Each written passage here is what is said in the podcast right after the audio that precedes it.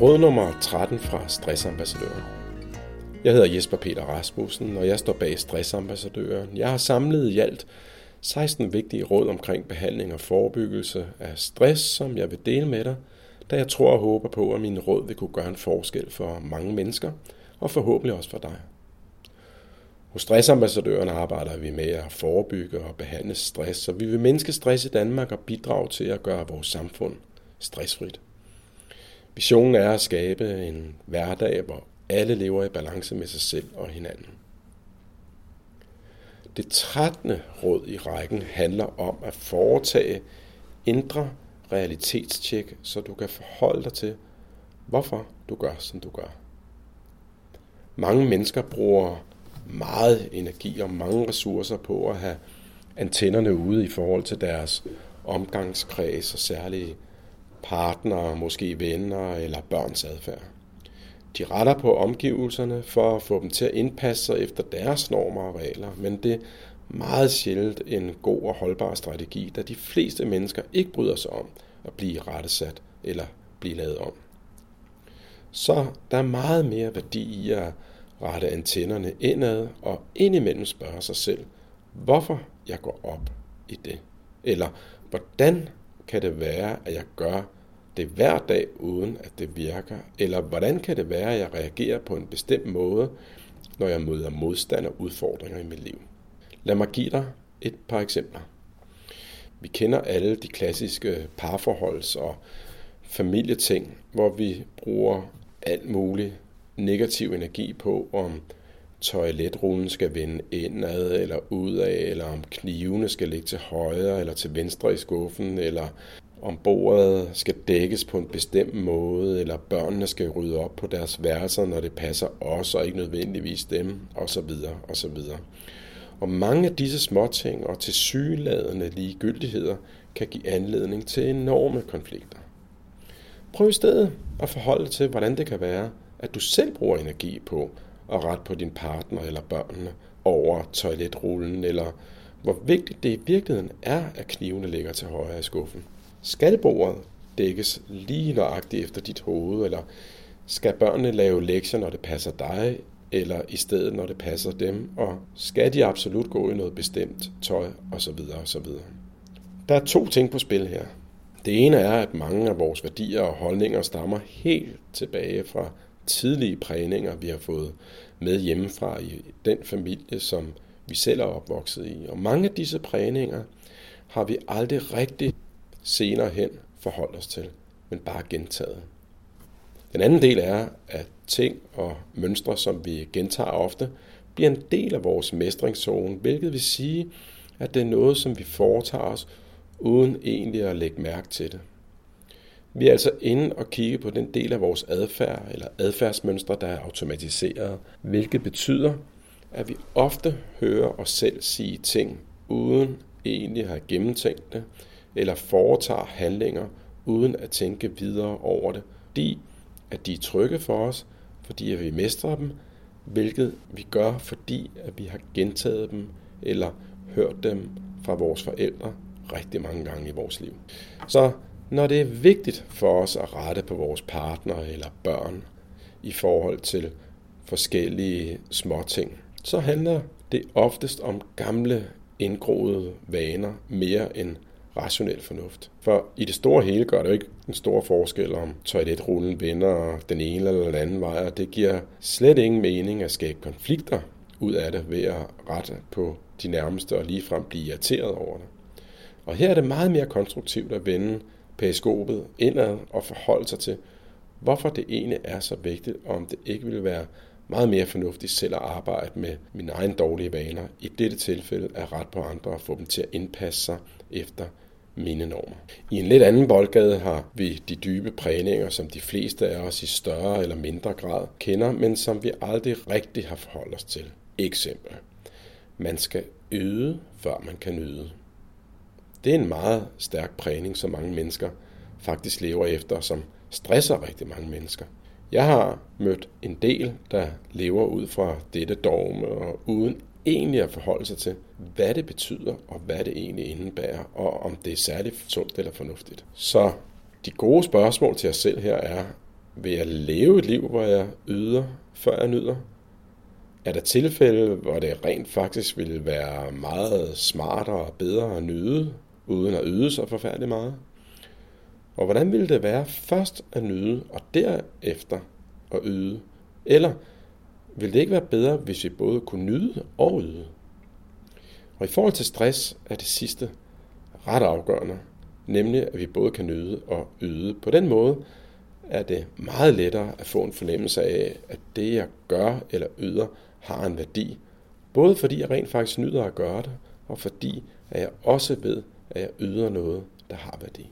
Og nu lidt om vores værdier og egne overbevisninger. Vores egne overbevisninger eller vores stærkeste værdisæt er i høj grad forbundet med de værdier og holdninger, vi står for og lever efter.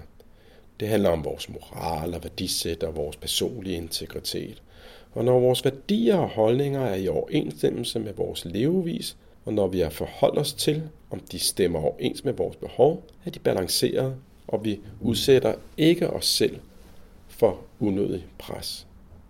Vi lever med andre ord en balanceret hverdag mellem egne værdier og den dagligdags kontekst, som vi befinder os i, hvad enten den er privat eller arbejdsmæssig.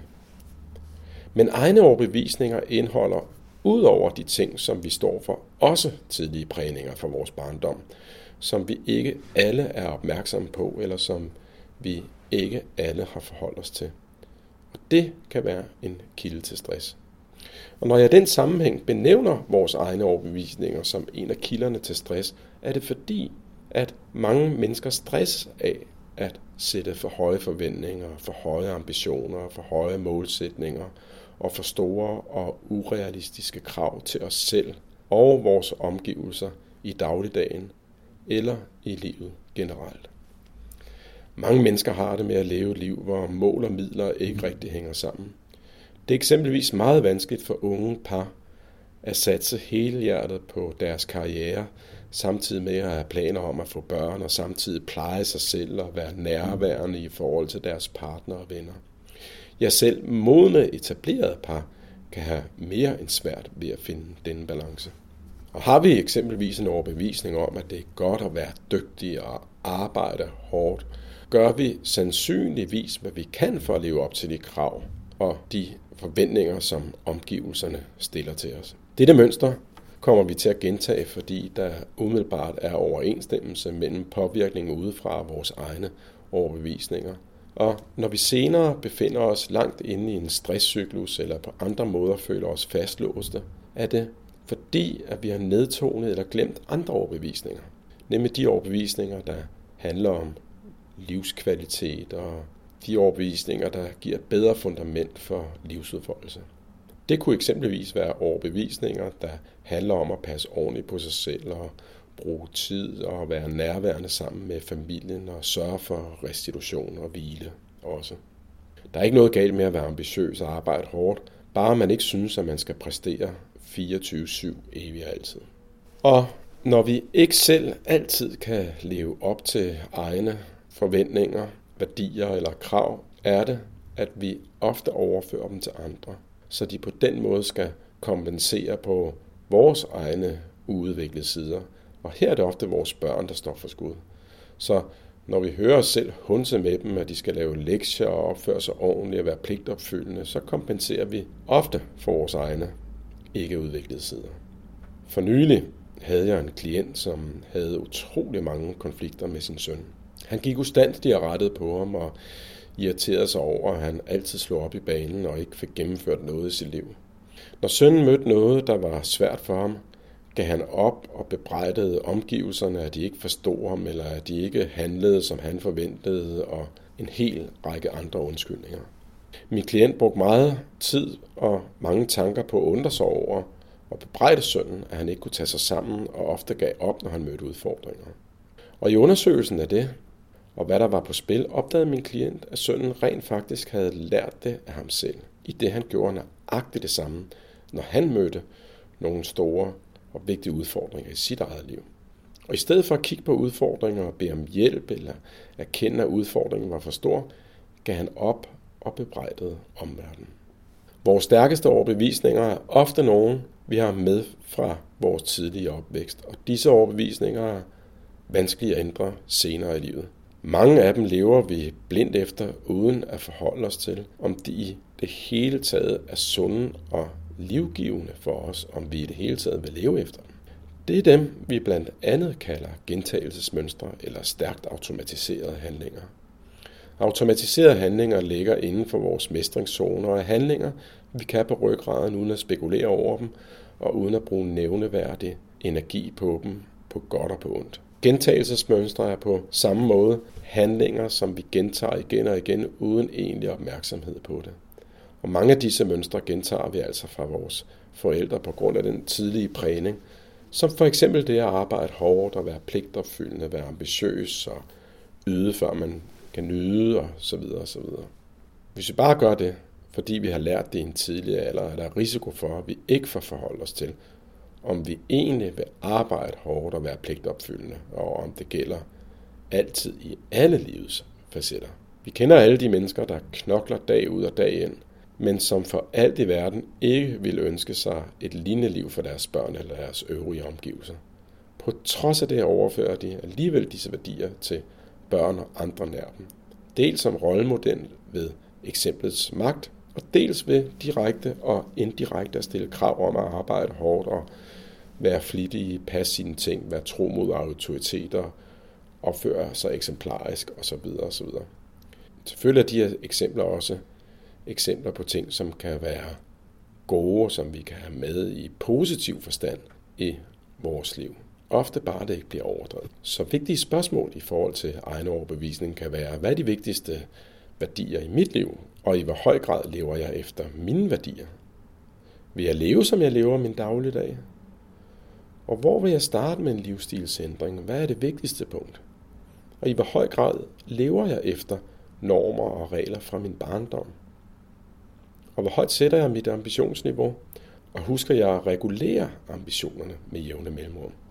Og til sidst får jeg jævnligt foretaget realitetstjek af mine indre værdier. Og hvis du har mod på det, så tag en snak med din nærmeste i forhold til, hvordan de oplever dig, så du kan få deres syn på dig. Det gode ved feedback er, at vi ofte i positiv forstand, og så nogle gange også i mindre positiv forstand, får sat lys på sider af os selv, og kan få sat vores holdninger i perspektiv, så vi kan få et mere helt billede af, hvem vi er som mennesker.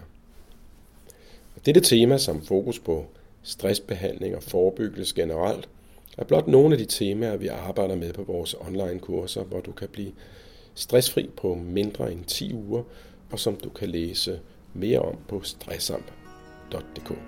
Rigtig god fornøjelse.